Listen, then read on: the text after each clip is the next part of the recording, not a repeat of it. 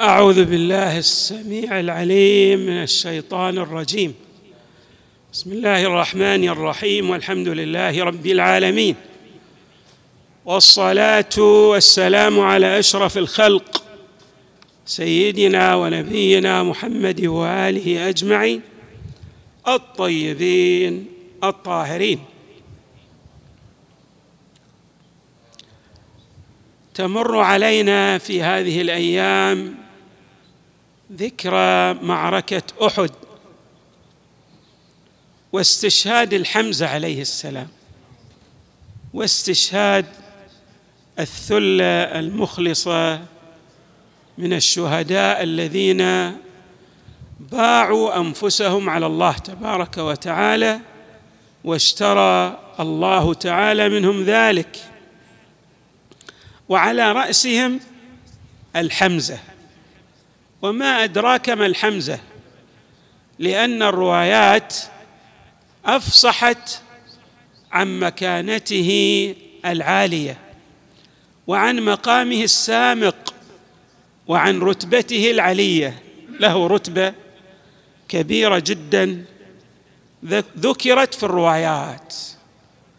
بالطبع الحمزة عليه السلام لم ينال هذه الرتبة اعتباطا وإنما بما قدمه من خدمات كبيرة وعظيمة للإسلام. كان الحمزة كعلي عليه السلام وهو عم علي عليه السلام وعم النبي صلى الله عليه وآله. الحمزة له رتبة عالية ولكنه هذه الرتبة اكتسبها بذوبانه في الله. لم يرى لنفسه وجودا في قبال الإسلام بمعنى أن الهم الكبير الذي كان يحمله هو الذود عن رسول الله صلى الله عليه وآله. وتثبيت معالم الإسلام.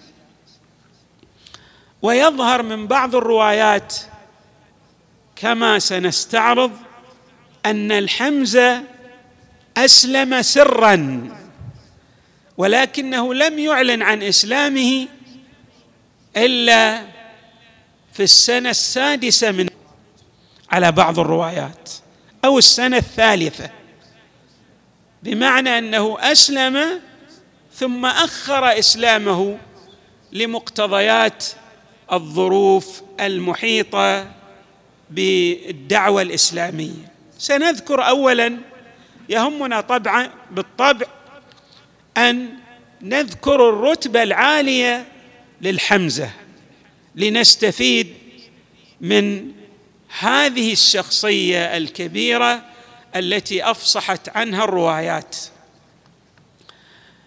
هناك رواية عن رسول الله صلى الله عليه وآله وردت في مرضه الذي قبض فيه. عن علي بن علي المكي الهلالي عن أبيه قال دخلت على رسول الله صلى الله عليه وآله في شكاته التي قبض فيها فإذا فاطمة رضي الله عنها عند رأسه قال فبكت. حتى ارتفع صوتها. فرفع رسول الله صلى الله عليه وآله وسلم طرفه إليها فقال حبيبتي فاطمة ما الذي يبكيك؟ فقالت أخشى الضيع من بعدك. فقال يا حبيبتي أما علمت أن الله عز وجل اطلع إلى الأرض اطلاعه فاختار منها أباك عروبة برسالته. يعني معربا برسالته مفصحا عن هذه الرسالة. ثم اطلع اطلاعه فاختار منها بعلك. وأوحى إلي أن أنكحك إياه يا فاطمة. يعني أن أمر زواجك هو بيد الله. تبارك وتعالى الله تبارك وتعالى زوجك زوجك إياه. ونحن أهل بيت قد أعطانا الله سبع خصال. لم يعط أحد قبلنا ولا يعطى أحد بعدنا. أنا خاتم النبيين وأكرم النبيين على الله عز وجل وأحب المخلوقين إلى الله عز وجل. وهذا من المسلمات أن النبي صلى الله عليه وآله هو أعظم الخلق. وهو أقرب الخلق إلى الله تبارك وتعالى وأحب الخلق إلى الله. ومعجز ومعجزته القرآن تدلل على ذلك بوضوح لأن أعظم معجزة تعطى ماذا؟ أعظم مخلوق. هناك تناسب كما يقول الفلاسفة. ثم يقول النبي صلى الله عليه وآله بعد أن يفصح عن رتبته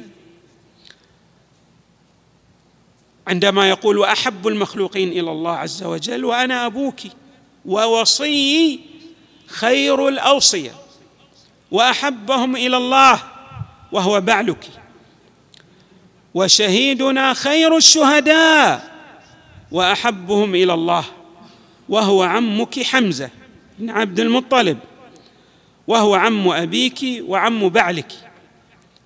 هذه الرواية ذكرت في المعجم الكبير للطبراني وكذلك في المعجم الأوسط. وفي بقية المصادر أيضا موجودة. اذا النبي صلى الله عليه وآله يفصح عن مقام كبير ورتبة عالية أن استشهاد الحمزة أو أن هذه الرتبة التي نالها الحمزة عليه السلام هي رتبة وخصيصة ومنحة من عند الله تبارك وتعالى أعطي إياها الحمزة عليه السلام. وطبعا لما نقول الحمزة خير الشهداء ليس معنى ذلك إنه أفضل من علي عليه السلام أو أفضل من النبي. النبي أيضا شهيد بالسم على بعض الروايات ولكن هذه ماذا؟ كما يعبر العلماء والحكماء مرتبة تشكيكية مثل درجات البياض. هناك بياض وهناك أنصع في درجته وفي بياضه وكذلك السواد. يعني مقامات متفاوتة ولكن الحمزة في رتبة سنية وعالية من هذه الرتب. يعني يأتي بعد النبي صلى الله عليه وآله وبعد أمير المؤمنين وبعد يعني بعد المعصومين مباشرة يأتي الحمزة عليه السلام في رتبته التي منحه الله إياها. أيضا النبي صلى الله عليه وآله يفصح عن هذه المرتبة افصاحا عمليا. لاحظوا هذا الإفصاح العملي. النبي عندما أراد أن يصلي على الشهداء في أحد ماذا فعل؟ كان يؤتى ببعض هؤلاء الشهداء اثنين اثنين ويص أو عشرة عشرة فيصلي عليهم وفي كل مرة الحمزة معه. يعني كم مرة يصلي عليه النبي؟ في كل المرات يصلي عليه النبي صلى الله عليه وآله. نعم. طبعا وليس معنى ذلك إنه ما خصه بصلاة وحده خصه بصلاة وحده.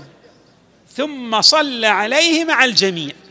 يعني كلما جيء بفئة من الشهداء قرن الحمزة معهم وصلى عليه النبي صلى الله عليه وآله وإياهم.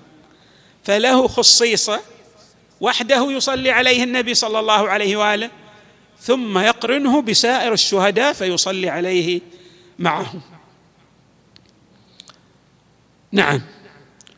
وأيضا جيء برجل من الأنصار في آخر شيء ليصلي عليه النبي يبدو أنه استشهد متاخرا. طبعا تعرفون أن هناك جرحى وبعضهم جراحه ماذا بليغة؟ فيستشهدون في فترات زمنية متأخرة فجيء بهذا الشهيد متاخرا فايضا النبي صلى الله عليه وآله ما صلى على هذا الشهيد وحده وإنما جعله مع الحمزة وصلى عليه. انظروا هذا المقام السامق والرتبة العالية التي يريد أن يفصح عنها النبي صلى الله عليه وآله افصاحا عمليا عن شخصية الحمزة عليه السلام. والرواية التي ذكرناها سابقا تدلل على ذلك. إذن صلى النبي على الحمزة كما يقولون سبعين صلاة أو أكثر.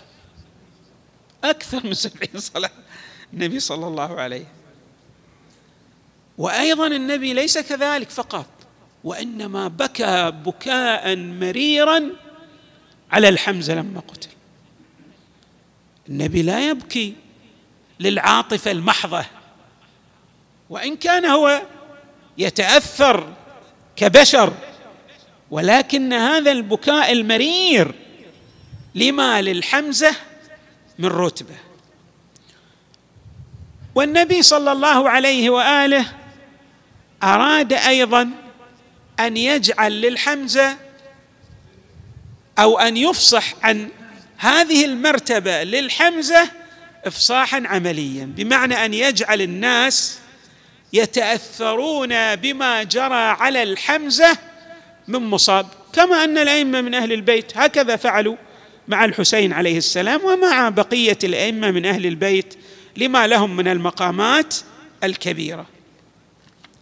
النبي صلى الله عليه وآله مر على نساء بني عبد الاشهل يعني جماعة سعد بن معاذ أو أسرة سعد بن معاذ.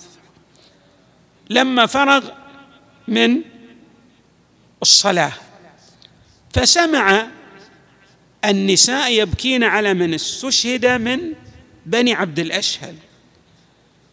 النبي صلى الله عليه وآله أراد لهم الثواب أن يلتفتوا إلى أن البكاء أيضا أو العمل الذي يقوم به المؤمن ينبغي أيضا أن يكون له هذه الرتبة التشكيكية التي ذكرناها فيما تقدم.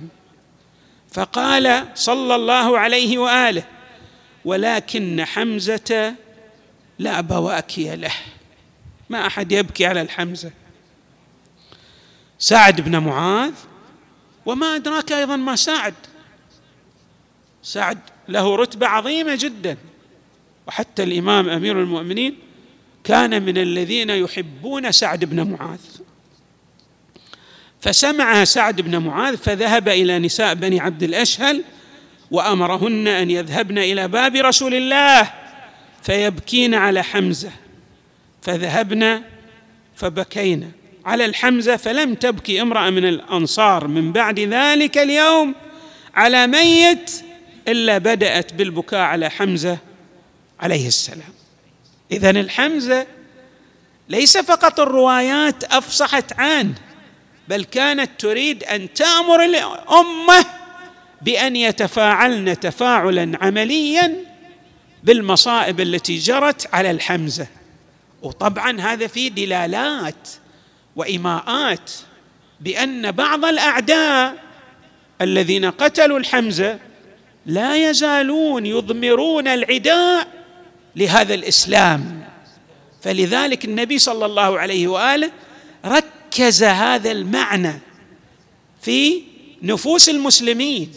حتى إذا أسلم بعض من يعادي الإسلام وأراد أن يكيد للإسلام لا يستطيع أن يمحو ذكر الحمزة. ولهذا ترون أيضا في التاريخ بعض من أسلم جاء ورفس قبر الحمزة برجله وقال يا أبا يعلى إن الأمر الذي تقاتلنا عليه يلعب به صبياننا. يعني يتصور أن الدعوة الإسلامية هي مسألة نزاع على سلطة. النبي صلى الله عليه وآله كان يغرس هذه المعاني ويكرس هذه القيم في نفوس الناس لربطهم بالمعاني الحقيقية التي استشهد من أجلها الحمزة. ألا وهي أن استشهاد الحمزة استشهاد للدفاع والذود عن قيم الإسلام وعن قيم الرسالات السماوية. أيضا النبي صلى الله عليه وآله بين كيف أن الحمزة عليه السلام يعني شخصية انصهرت في بوتقة معاني الإسلام. عند مصرعه في يوم أحد أبنه النبي قال رحمك الله أي عم فلقد كنت وصولا للرحم فعولا للخيرات. انظروا إلى تعبير النبي فعولا للخيرات. يعني ما يقول أنت تفعل الخير كثير الفعل للخيرات. وهذا يشير إلى انطباع نفس النبي نفس الحمزة عليه السلام على فعل الخير بشكل طبيعي.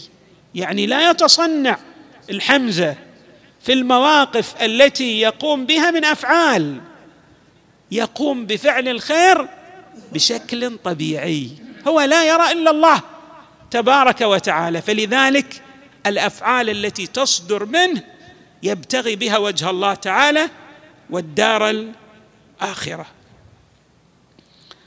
أيضا من الروايات التي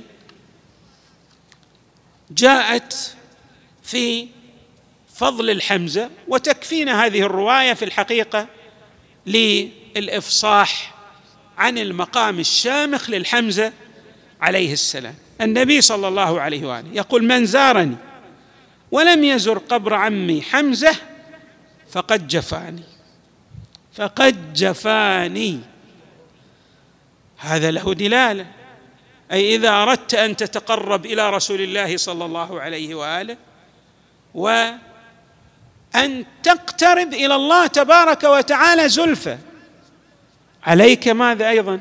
أن تزور الحمزة. لما للحمزة؟ من مقام. نسأل الله تبارك وتعالى أن يجعلنا مع محمد وآله البررة الميامين وأن يشفع لنا هذا الشهيد الحمزة عليه السلام والحمد لله رب العالمين وصلى الله وسلم وزاد وبارك على سيدنا ونبينا محمد وآله أجمعين الطيبين الطاهرين. الله.